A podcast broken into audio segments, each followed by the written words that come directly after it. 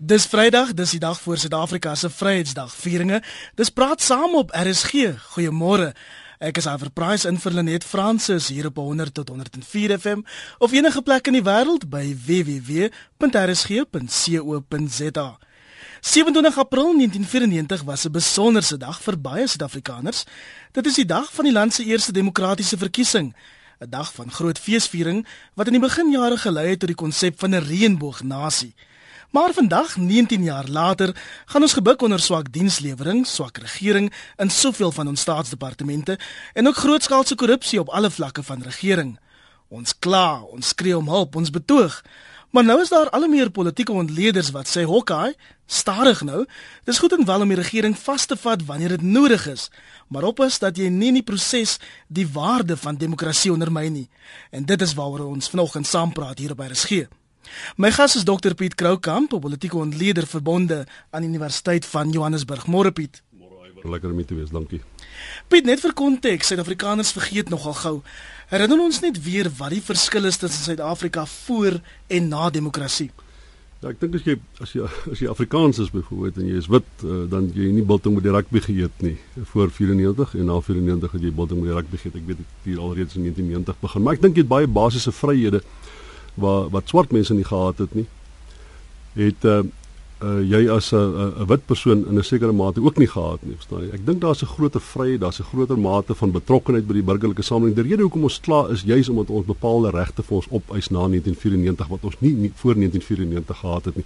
Ek dink die beginsel van vryheid die beginsel van liberaal demokratiese vryheid in Suid-Afrika is vaardig. Ek dink die burgerlike samelewing wit en swart het in 'n groot mate daartoe daarop ingekoop. Dit is hoekom hulle klaar oor waarskynlik klaar oor oor oor swak regering omdat hulle dink hulle bepaalde vryhede en hulle kan aanspraak maak op bepaalde regte. Maar soos ek jy gesê het en ek dink dit is belangrik, uh dikwels uh, maak ons die punt dat die ANC moenie vergeet dat hulle nie die staat is nie. Die regering moet 'n onderskeid maak tussen die staat en die regerende party, maar in ons kritiek op die regering of ons kritiek op die ANC uh vermeng ons baie dikwels die staat, die regering en die regerende party met mekaar en op dië manier ondermyn ons eintlik die sinvolheid van die gesprek soms. Nou die land wat ons vandag ken is natuurlik die resultaat van 'n paar politieke kompromieë, is ek reg? Ja, ek verseker, ek dink in 19 eh, hier rondom 1990 uh, was die assosiasie by die ANC dat hulle noem dit nou maar 'n tipe van ideologies marxistiese inslag sou hê en ek dink daar was 'n sekere mate van 'n geweldige konservatiewe nasionalisme, Afrikaner nasionalisme vaardig onder wit politiek. En om hierdie twee bymekaar te kry was nie 'n maklike proses nie, maar dit is baie en aardig dat ons dit inderdaad wel reg gekry het, maar daar's baie spesifieke kragte wat daartoe gelei het dat ons dit reg kry. Ek dink die stigmatisering van marxisme en kommunisme in internasionale politiek met die val van die Berlynse muur in 1990 het 'n groot rol gespeel. Ek dink die groter mate van die besef van die destruktiewe natuur van die van die stryd tussen wit en swart Suid-Afrika onder wit Suid-Afrikaners die die gedagte laat pos vir dit uh dat ons nie 'n ander alternatief het as om 'n of ander vorm van kompromie te bereik nie. En ek dink op die ou end het ons die middelgrond bereik en dit is 'n vorm van uh konsensus uh, bereik dat 'n kompromie 'n noodsaaklike verhouding is uh, tussen die groepe wat mekaar histories opponeer in Suid-Afrika en dit het gelei tot die proses wat van 1990 af tot 1994 onderhandel is en in 1994 is die die die die, die werklike mirakel is eintlik die mate waartoe alle Suid-Afrikaners ingekoop het op die gedagte van 'n liberaal demokratiese grondwet. Nou mens wonder wat het geword van daai belangrike rolspelers wat by die kompromie betrokke is. Het die rolspelers oor jare verander?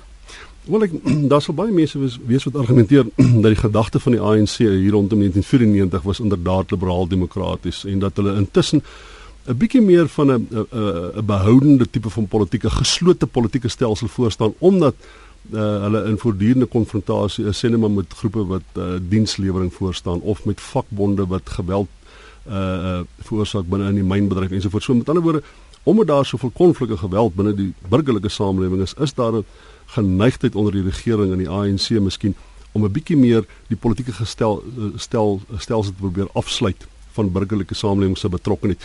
Uh, dit is 'n argument wat vaardig is. Ons weet natuurlik dat die nasionale party het hoofsaaklik uh, verdwyn. Hulle is uh, meeste van hulle lede is of by die ANC of by die DA. Ek dink hulle steenbasis het na die DA toe gegaan en van hulle politieke leierskap het waarskynlik effens opportunisties na die ANC toe gegaan. Ek ek weet uh, Frederik uh, Willem de Klerk is vandag waarskynlik 'n geweldige konservatiewe persoon en sy kritiek op die ANC kom met 'n geweldige konservatiewe uh, invalshoek uit en mens wonder baie keer of die kritiek wat destyds teen hom geloods is dat uh, hy 'n kompromie met die ANC ingegaan het in uh, weerwil van die ondersteuning van sy steunbasis dat hy as dit ware nie heeltemal die waarheid aan hulle moes verkoop nie en dat hy ook naïef was oor die tipe van kompromie waartoe hy sal met die ANC sal moet aangaan dat ek wonder of daar nie enkele elemente van waarheid is. Ek dink Ewie de Klerk vandag is dink steeds dat hy waarskynlik meer op groepsregte moes aangedring het eerder as om uh, die universele regte van 'n liberaal-demokratiese staat.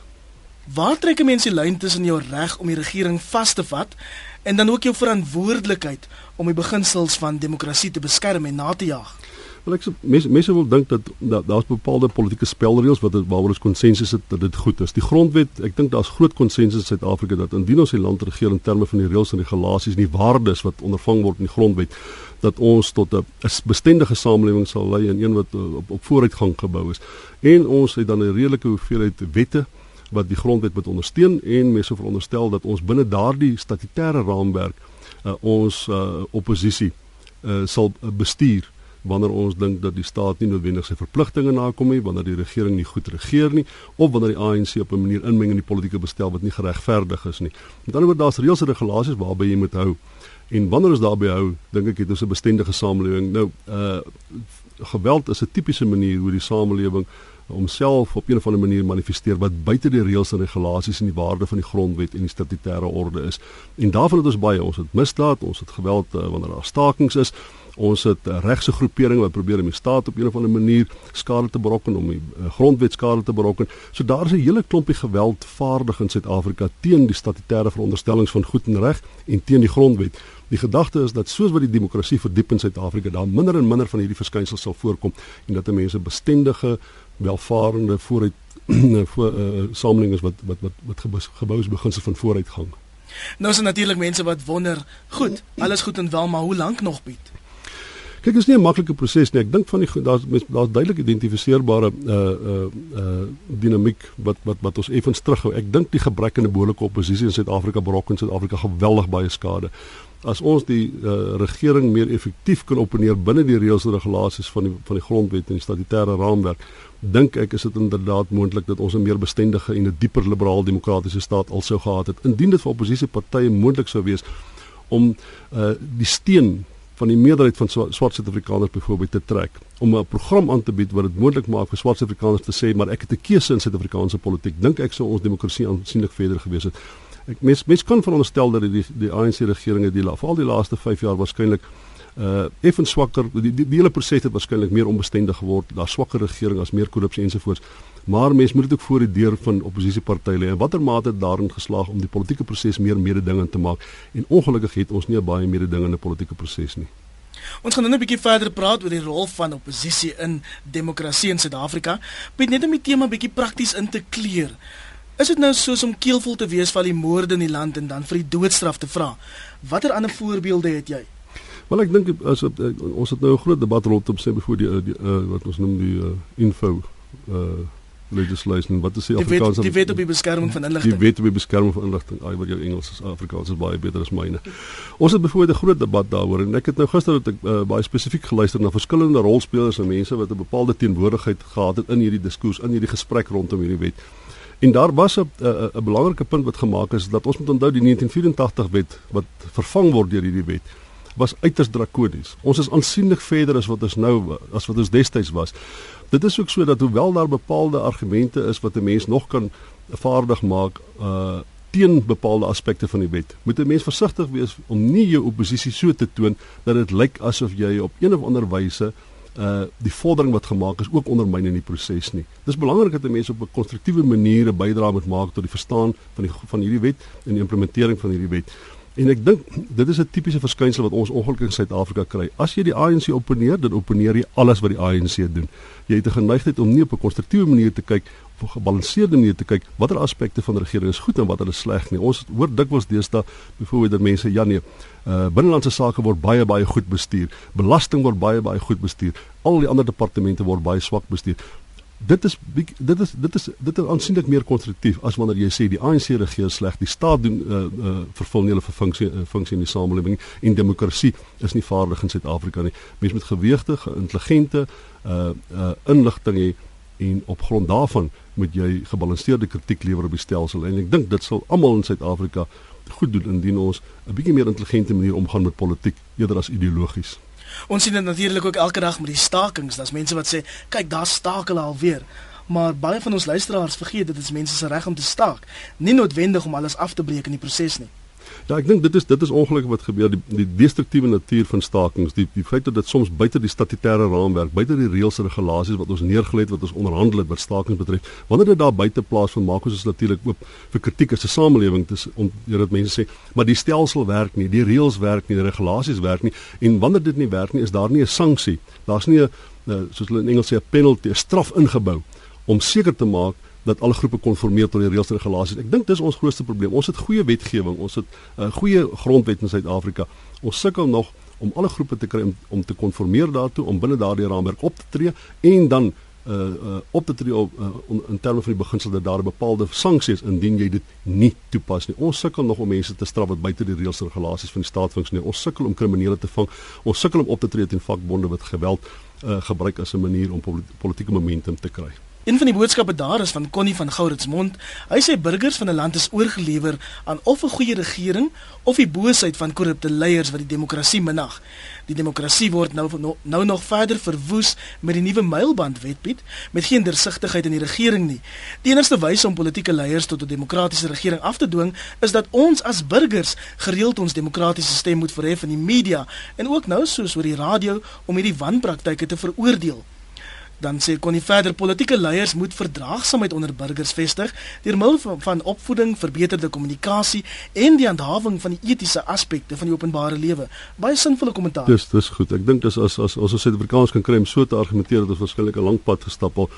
Dit is juist die manier waarop mense op 'n gebalanseerde manier om te kyk. Jy moet kyk met 'n mate van kritiek, maar jy moet besef dat die stelsel is belangriker en die stelsel is groter as individue of sektariese belange of groepsbelange ensovoorts. Dit gaan oor die hele Suid-Afrika, die hele samelewing en uh intelligente geweegde kritiek is die enigste manier vir 'n burgerlike samelewing om te handhaaf wanneer die staat buite sy uh, normale statutêre verpligtinge en rol en, en uh, optree.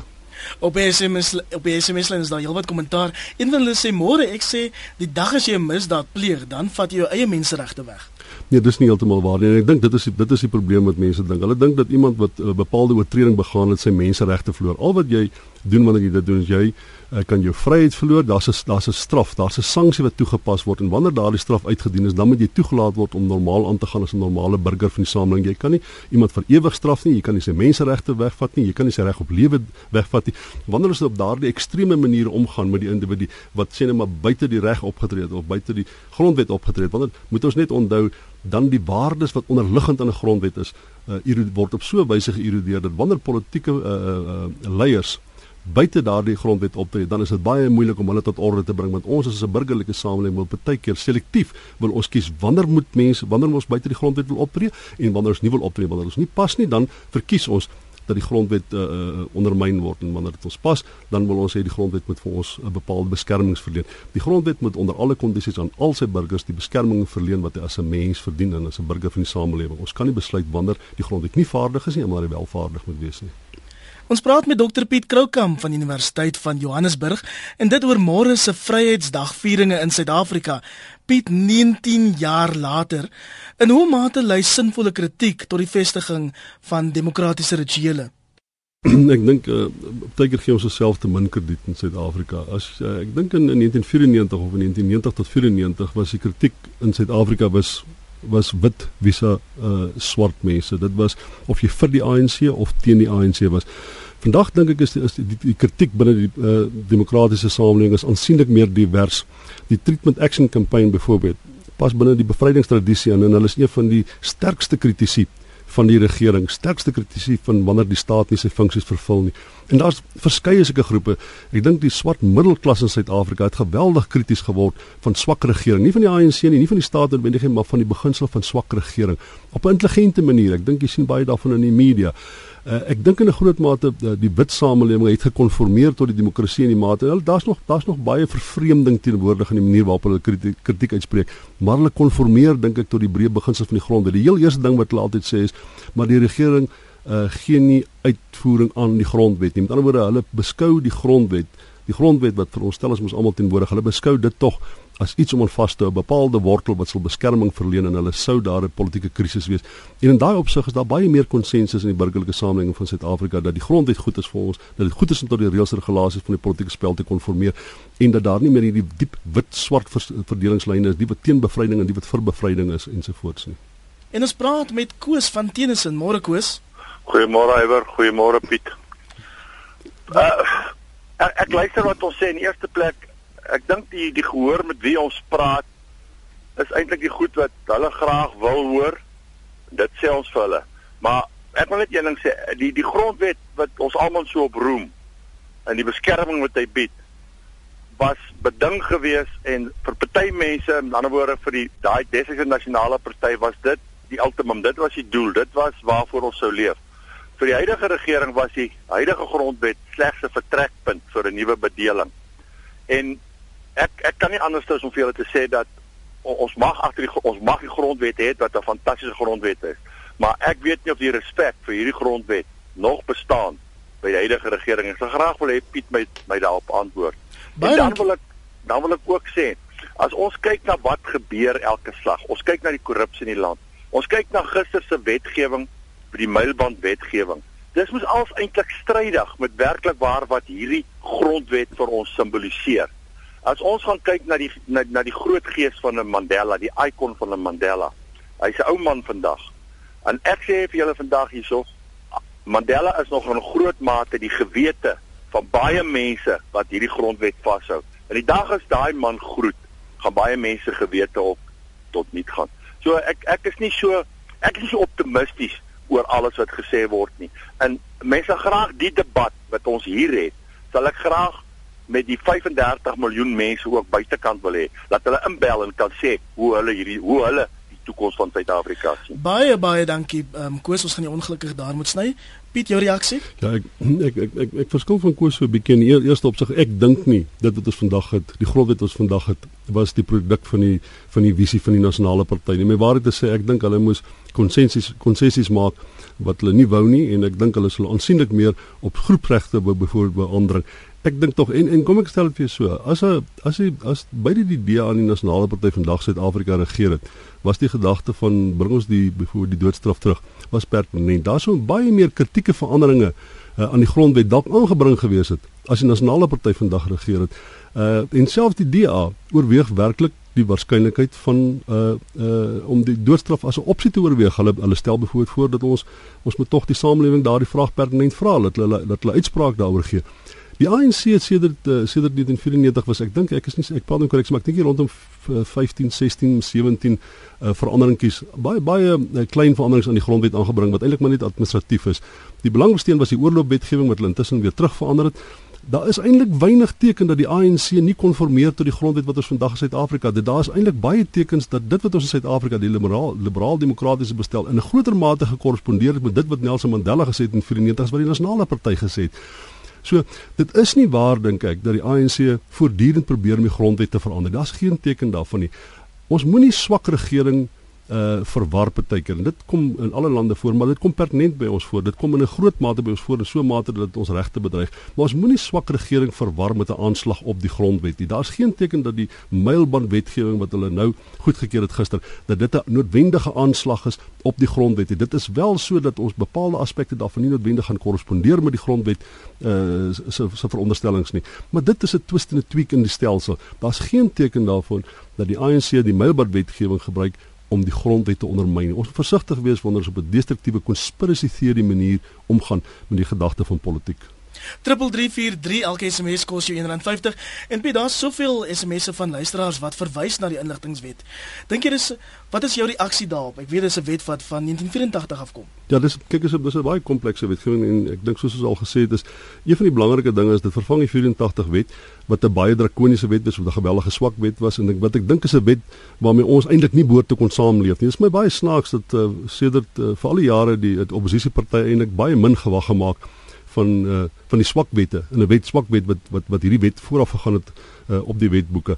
En uh, nou uh, in 'n groot mate uh, hulle kritiek op hierdie wetgewing assosieer met 'n vorm van 'n verval in die politieke stelsel of 'n verval in die grondwetlike stelsel. Dis nie heeltemal waar nie Uh kom ek gee vir julle die gedagte die toe hierdie wet aanvanklik op die tafel geplaas het, was dit 'n ekstreme wetgewing met gewellige grondwetlike konsekwensies. Intussen het die burgerlike samelewing in 'n groot mate en ook oppositiepartye te velde getrek teen hierdie wet. Hulle het geweldig druk uitgeoefen en die ANC het op 'n manier 'n kompromie aangegaan deur belangrike aspekte van hierdie wet te verander.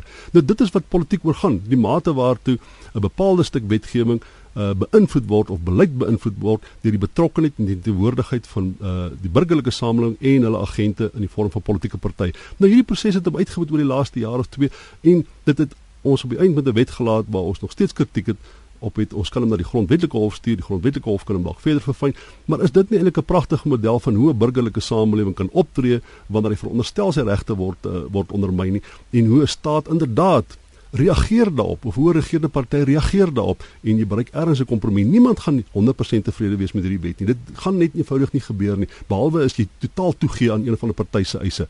Jy moet ergens 'n kompromie bereik en ek dink ons het 'n kompromie bereik uh, en ek dink die grondwetlike hof kan dit verder verfyn. Ek dink op die ou end moet 'n mens aanvaar dat ons het met hierdie hele proses het ons die grondwet en demokrasie bevorder. Ons het dit nie ondermyn nie. Iemand vra hoe gemaak is die staat om nie aan kritiek steur nie en is 'n groot groep amptenare self bo die res van ons en ons wette sien. Wel ek dink weer eens ek dink ek het vroeër verwys na die die die die die probleem in die Suid-Afrikaanse politiek is dat die politieke stelsel is nie kompeterend nie. En dit het te doen met oppositiepartye onder meer.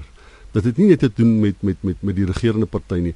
Uh oral in die wêreld sal jy die staat wanneer indien hy nie uitgedaag word nie, indien die burgerlike samelewing hom nie laat geld nie, sal die staat ander respons of, of sal hulle sal hulle 'n geneigtheid hê om traag te reageer of nie te reageer nie. Die gedagte is dat jy met jou regte so pertinent teenwoordig maak dat die staat nie anders het as om dit te eer en te beskerm nie. En ek dink nie ons doen dit noodwendig goed genoeg nie. Ons het aansienlike vordering gemaak, maar ek dink veral oppositiepartye omdat hulle daarin kon slaag om meer verteenwoordigend te wees van Suid-Afrika nie, het ongelukkig gehelp om die proses effens te ondermyn van die vestiging van ons liberaal-demokratiese grondwet. Sidney Opperman praat saam en hy sê die regering sukkel om vakbonde wat onwettig optree vas te vat en in die meeste gevalle wil hulle nie hulle kamerade laat vervolg nie.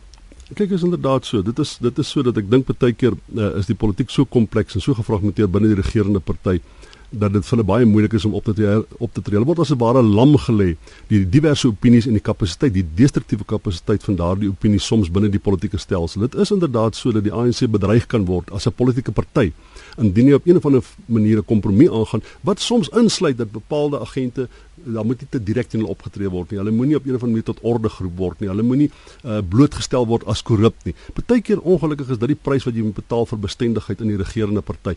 Die gedagte is dat ons dat die dat die die hoofstuk 9 instellings van die grondwet dat die reëls en regulasies, die wette moet daardie proses, daardie noodwendigheid van konformeer tot die stelsel vir die agente binne die staat, vir vakbonde, vir die ANC, vir korrupte individue daardie stelsel moet op 'n manier daardie proses tot orde roep. En wat ons as 'n burgerlike samelewing moet doen is om so deel te neem dat ons die reëls en regulasies in die stelsel versterk om inderdaad korrupsie aan te spreek, om geweld aan te spreek en om swak bestuur aan te spreek.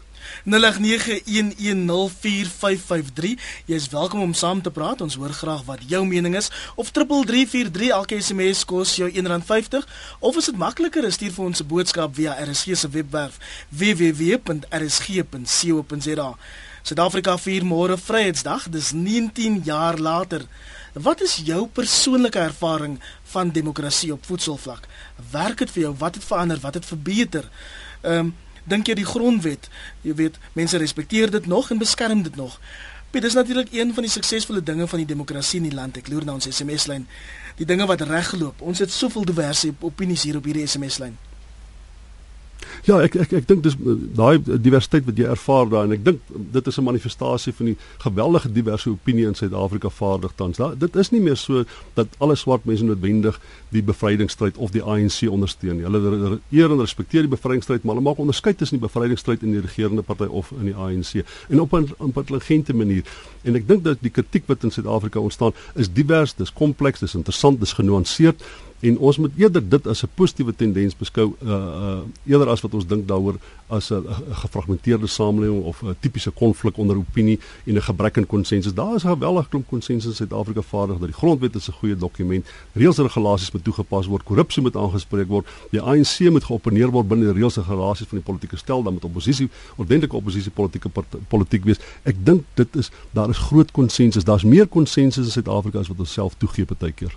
Daar is soveel van ons luisteraars wat op 3343 sê bring die doodstraf terug, maar Gertie in Kaapstad in sy glorie teenoorgestelde. Môre Gertie. Môre dit? Gertie, hoe? Ek wil net sê as daar doodstraf is, dan besluit jy om iemand se lewe te vat, okay? Maar as die mense ons is aanjaag en moet 5 of 10 of 20 jaar sit, laat hulle sit man. Sit hulle nie see, gooi hulle toe daarso en moet hulle nie gaan uithaal nie. Ek meen regtig waar dan sal die lewe beter wees en hulle gaan besef waaroor dit gaan. Baie dankie vir jou bydrae, Gertie. Piet, jou reaksie. Ja, weet dis ek het ek ek het eendag het ek vir 'n klompie boere gesê is my baie interessante punt dat die die groep mense in Suid-Afrika wat die grootste voorstanders voorstanders is van van die doodstraf is ook mense wat die velste kritiek lewer op die swak regering en die swak politieke bestuur van die regerende party. Nou my argument is altyd hoekom sal jy nou vir iemand uh, wat jy reeds beskou nie behoorlike politieke bestuur kan toepas nie, wat jy reeds beskou as iemand wat doelbewus die grondwet ondermyn, hoekom sal jy vir daardie groepering of daardie party die reg wil gee om te besluit oor lewe en dood? Jy, jy jy kan mos nou veronderstel dat selfs daardie beginsel sal swak bestuur word en dit kan jy mos nou nie toelaat nie. So my argument is jy moet so min as moontlik gesag in die hande van politici laat. Jy moet hulle forceer om binne die reëls en regulasies van die grondwet op te tree. Dan kan jy goeie bestuur afforceer. Jy kan nie toelaat dat politici van watter party ook al die reg het om jou van jou menseregte te ondermeen onder uh, te ontneem nie. As jy dit doen met die mense wat jy vir wie jy kwaad is soos kriminele. Jy moet net onthou, môre kom daai selfe politikus vir jou. Môre sê hy dat jou politieke gedrag wanneer jy hom opponeer het is 'n vorm van verraad teen die staat. En dan word daai verraad teen die staat baie baie vaag. En wanneer daai verraad baie baie vaag word, dan is die straf ook baie vaag. En een van die strawe kan wees die doodstraf vir verraad. En ek kan nou vir jou sê baie van die dinge wat ons vandag in Suid-Afrika as normaal beskou om te sê, kan onder 'n autoritaire staat as verraad beskou word wat met die dood gestraf sal word. Ons kan nie toelaat dat politici besluit oor lewe en dood nie. Cecile skryf ek is vanmôre geweldig moedeloos oor ons land. Jou spreker praat sinvol en demokrasie klink mos vir die meeste mense reg, maar die realiteit van 'n oorweldigende meerderheid in ons land maak dat al ons mooi praatjies en konstruktiewe en of regtelike stappe wat mense probeer doen, geensins impak het op die meerderheidsstemme nie.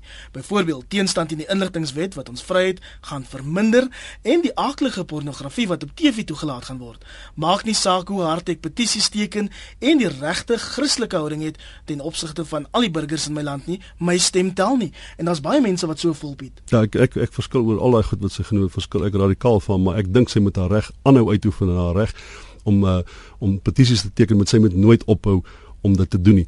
Maar ek ek ek ek dink die uh, wat sy wat sy sal moet toegee is dat uh, uh, sy maak 'n baie basiese fout om te dink dat die sogenaamde en jy hoor dit dikwels onder konservatiewe uh, wit mense die argument dat swart mense sal altyd vir die ANC stem en dat uh, hulle altyd 'n meerderheid is en dat ons reg en daarom is ons stel ons stem niks nie. In 1994 en ek het dit al gesê in 1994 het 53% van alle mense wat mag stem in Suid-Afrika wat 18 en ouer is wat potensieel kan stem, het 53% het vir die ANC gestem. Die feit dat hulle 64 of 364% van die steun gekry het, was weer eens die skuld van oppositiepartye wat nie daan kon slaag om eers hulle eie ondersteuningsbasis uit te kry nie, wat tog te sê van om in te kalwe uh, op die ANC se steunbasis. Maar in in 2009 het net 39% van die mense wat mag stem in Suid-Afrika vir die ANC gestem. Die feit dat die ANC effens meer gekry het, was weer eens oppositiepartye wat nie daan kon slaag om hulle eie steunbasis uit te kry om nie eers te praat daarvan om die ANC se steunbasis oor te lok nie.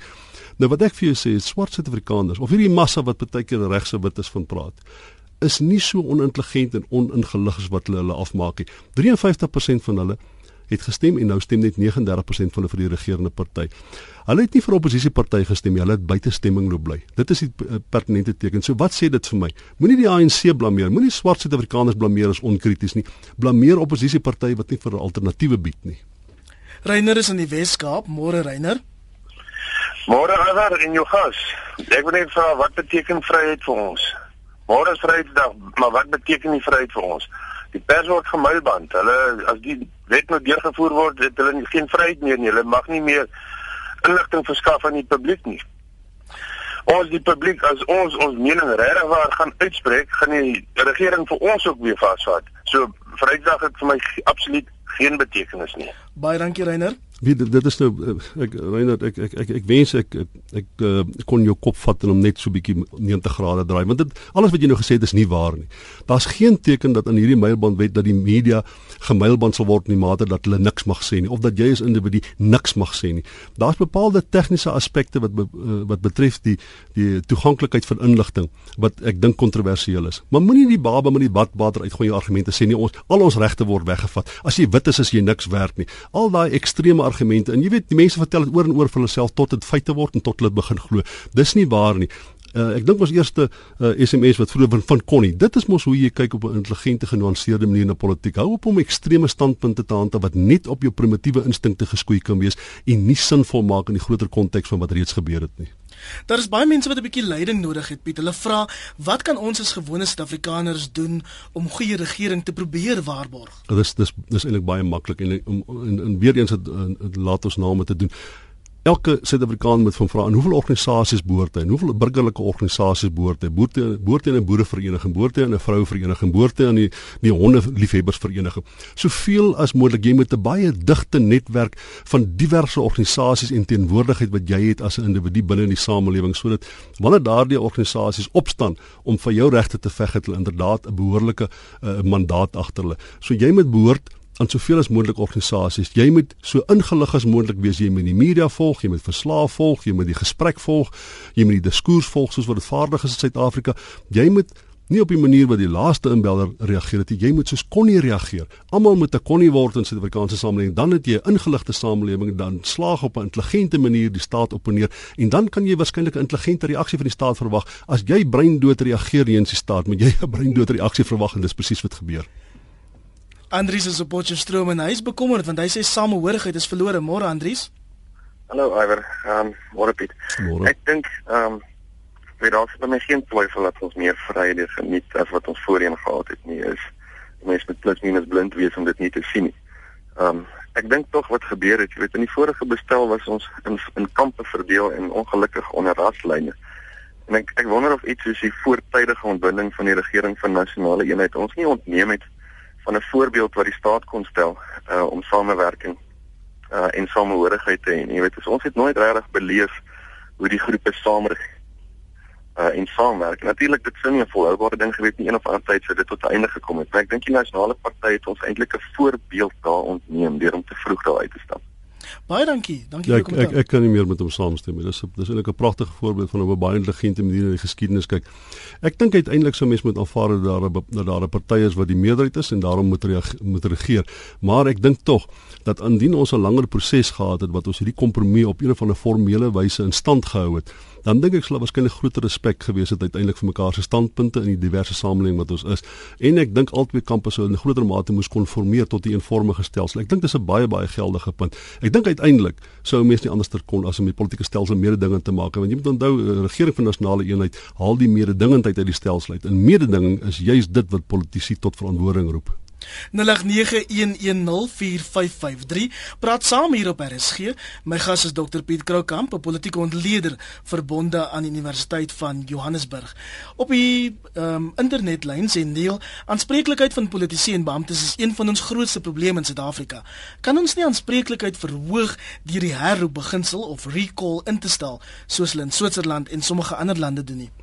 Wel ek ek dink ons het ons het al baie geargumenteer oor in watter mate daar 'n groter verantwoordbaarheid moet in die stelsel vaardig word. En een van die maniere hoe ons uh, uh, daar daaroor gedink het in die verlede, ek dink van sy slabbert het 'n baie pertinente verslag daaroor uitgebring is om te kyk of ons die politieke stelsel meer mededingend kan maak. Met ander woorde, ehm um, daar's 'n bepaalde ondersteuningsbasis en hulle hou 'n individuele politikus verantwoordelik vir dit wat hy doen. As hy swak regeer, stem hulle hom uit. As hy goed regeer, dan uh, herverkies hulle hom.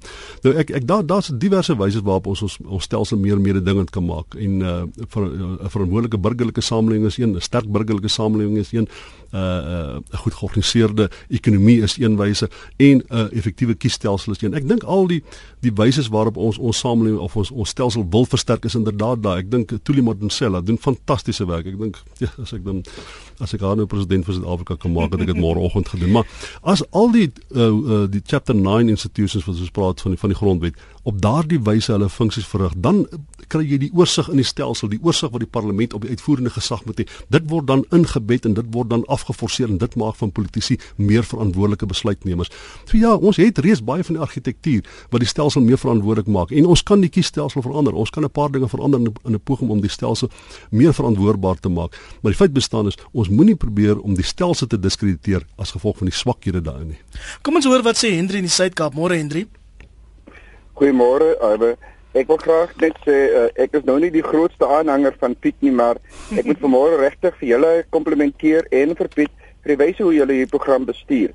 Ek sou sê dat ons in Suid-Afrika moet bly wees dat daar op 'n Afrikaanse stasie wat in 'n groot mate nog 'n uh, 'n uh, 'n wit uh, luistergemeenskap het, dat ons hierdie program kan aanbied. Dit is vir my absoluut een van die groot demokratiese regte. Verder wil ek ook sê dat ons moet kyk na die inhoudelike vierings deesdae van geleenthede soos hierdie ehm um, Vryheidsdagviering en Versoeningsdagviering. 'n Mense wat werklik waar die die die die dag tot dag ontwikkeling volg, sal sien hoe die Afrikaner gemeenskap by Vryheidsdagvieringe en Versoeningsdagvieringe ingesluit word.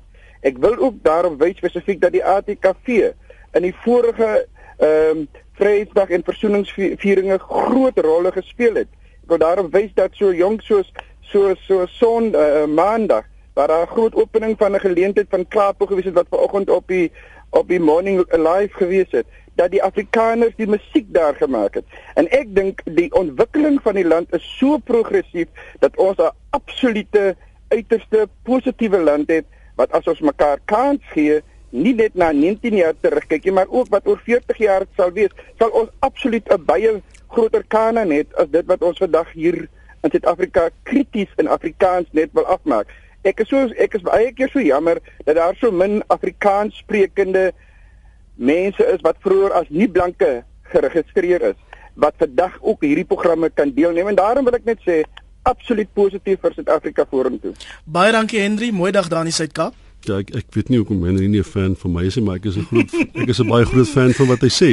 Ek dink byvoorbeeld, ek dink hierdie week was dit onder andere in die media dat die die grootste gros Afrikaanssprekendes in Suid-Afrika uh, kan nie as wit geklassifiseer word as dit vir jou belangrik is om mense te klassifiseer. Daar's meer mense wat nie wit is nie wat Afrikaans praat in Suid-Afrika as wat daar uh, wit is wat Afrikaans praat. So ek dink hy's dit wat hy sê is spot on. Ek dink dis presies hoe mense moet dink uh, oor Suid-Afrika. Ek dink dis presies hoe jy die argument moet voer.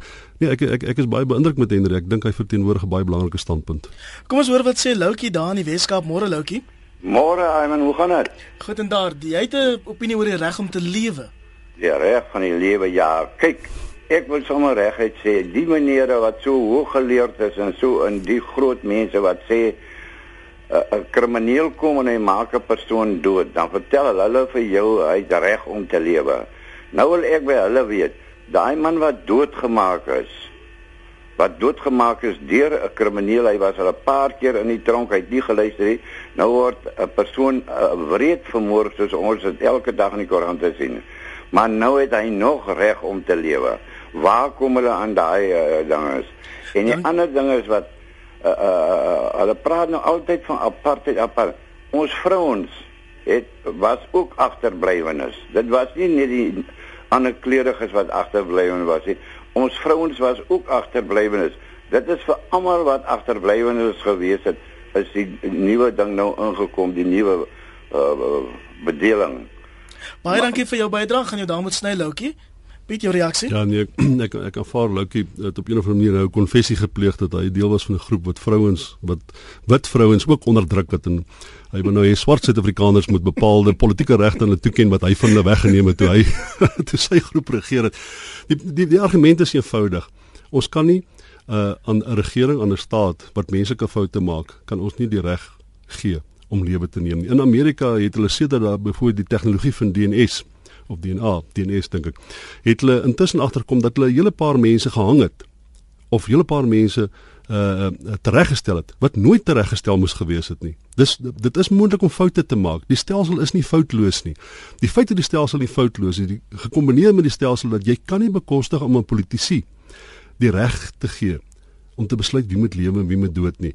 In daardie opsig dink ek ter wille van die groter uh, vryheid van die samelewing, ter wille van individuele regte, ter wille van 'n grondwet, ter wille van van orde, is dit vir ons belangriker dat ons iemand straf deur sy vryheid permanent van hom weg te neem. Daar is niks erger as om jou vryheid te verloor nie. Ek dink amper dit is erger om jou vryheid te verloor as om doodgemaak te word partykeer. As jy dood is, jy dood. Daar's niks, jy betaal niks meer nie. As jou vryheid van jou weggeneem word vir die volgende 20 of 30 jaar en jy sit in 'n sel waarvan die lig nooit afgesit word nie, dan word 'n klein bordjie pap onder deur jou deur gestoot deur iemand wat jy nooit sien nie. Dit, dis straf. Dit is pynlik. Kom ons hoor wat sê Johan daar op Belfast. Môre Johan. Môre uh Iver. Jy het uh, ek, ek wil graag vir dokter Piet iets vra man. Kyk, hulle is nou op universiteit en hulle het nou universiteit, hulle het nou studente voor hulle daar en uh obviously verkondig hulle nou 'n goeie uh, demokrasie en op uh, dat die demokrasie ook bedryf word op die regte manier en al daai. Nou goed, daar's baie ouens wat hulle so in die veld instoot. Nee. Ek wil graag sy mening hoor. Hoeveel invloed sal so 'n universiteit wat sulke kursusse aanbied? Hoeveel invloed sal dit op ons politieke toekoms hê? Is daar daarom van daai ouens wat nou nie net politieke ontleeders en admin gaan word nie. Ek dink hy daar's van daai ouens wat gaan politisie word en dan ook ons stelsel so beïnvloed dat daar daarom versekerde bevolkingsgroepe in ons in ons land 'n bietjie hoop vorentoe is dat die demokrasie op die regte manier gaan seefuur vorentoe. Goed, die hoofvraag is wat dink hy hoe uh, of daar enige invloed gaan wees op uh, die demokrasie in die in die toekoms en ek hou van sy kopdoek dit maak 'n skei. Dankie hoor. Dankie Johan. Ja, ek is ek is lanklaas vir my looks gekomplimenteer.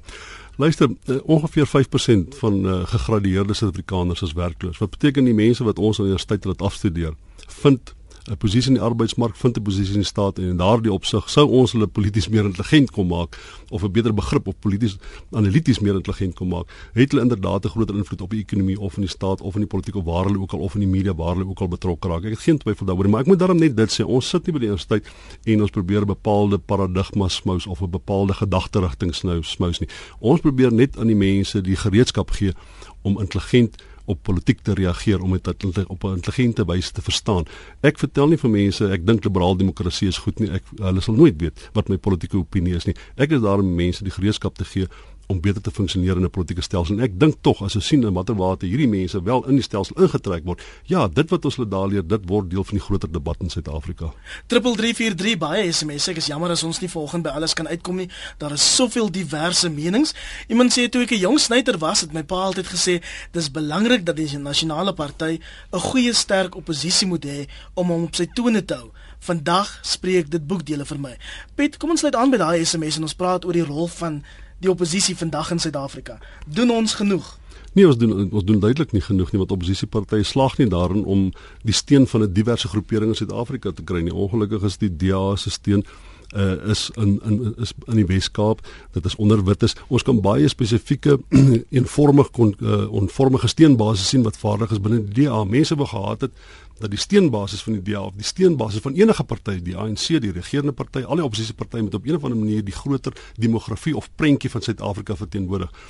So uh en dis hoekom ek uh, uh dink dit is krities belangrik dat ons 'n politieke party kry wat op 'n manier tussen die ANC en die DA op 'n of ander manier kan opereer want ek dink daar is 'n ruimte daar. Ek dink swart middelklas Suid-Afrikaners is verontrief deur swak dienslewering maar hulle vind nie noodwendige ideologiese politieke tuiste in die DA nie en ek dink dit geld vir baie ander politieke partye. Ekskuus tog.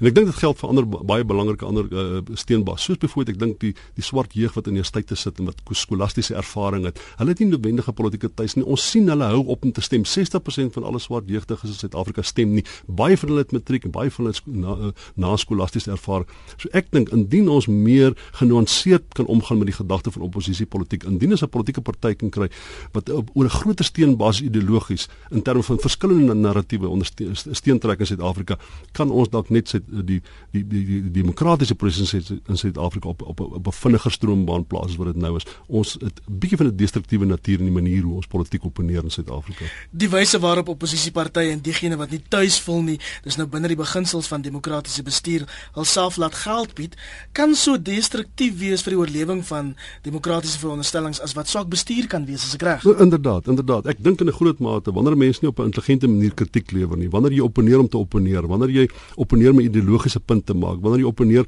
omdat jy dink dat jy op 'n opportunistiese wyse 'n bepaalde steenbasis of tot 'n bepaalde steenbasis kan spreek, dan doen jy demokrasie niks goed nie. En oppositiewe partye in Suid-Afrika doen dit dikwels. Hulle hulle teer partykeer op die vrese van mense, op die primitiewe instinkte van mense, op die op die op die op die op die feit dat mense arm is, op die feit dat mense uitgesloot is van die party, die feit dat mense wit is. Daardie konsepte, wanneer jy dit gebruik as 'n vorm van politieke mobilisasie, dan doen jy liberaal-demokratiese stelsel, die grondwet en die demokrasie in die algemeen, jy doen hom geen guns nie. Chris is op Kleinbrak en môre Chris.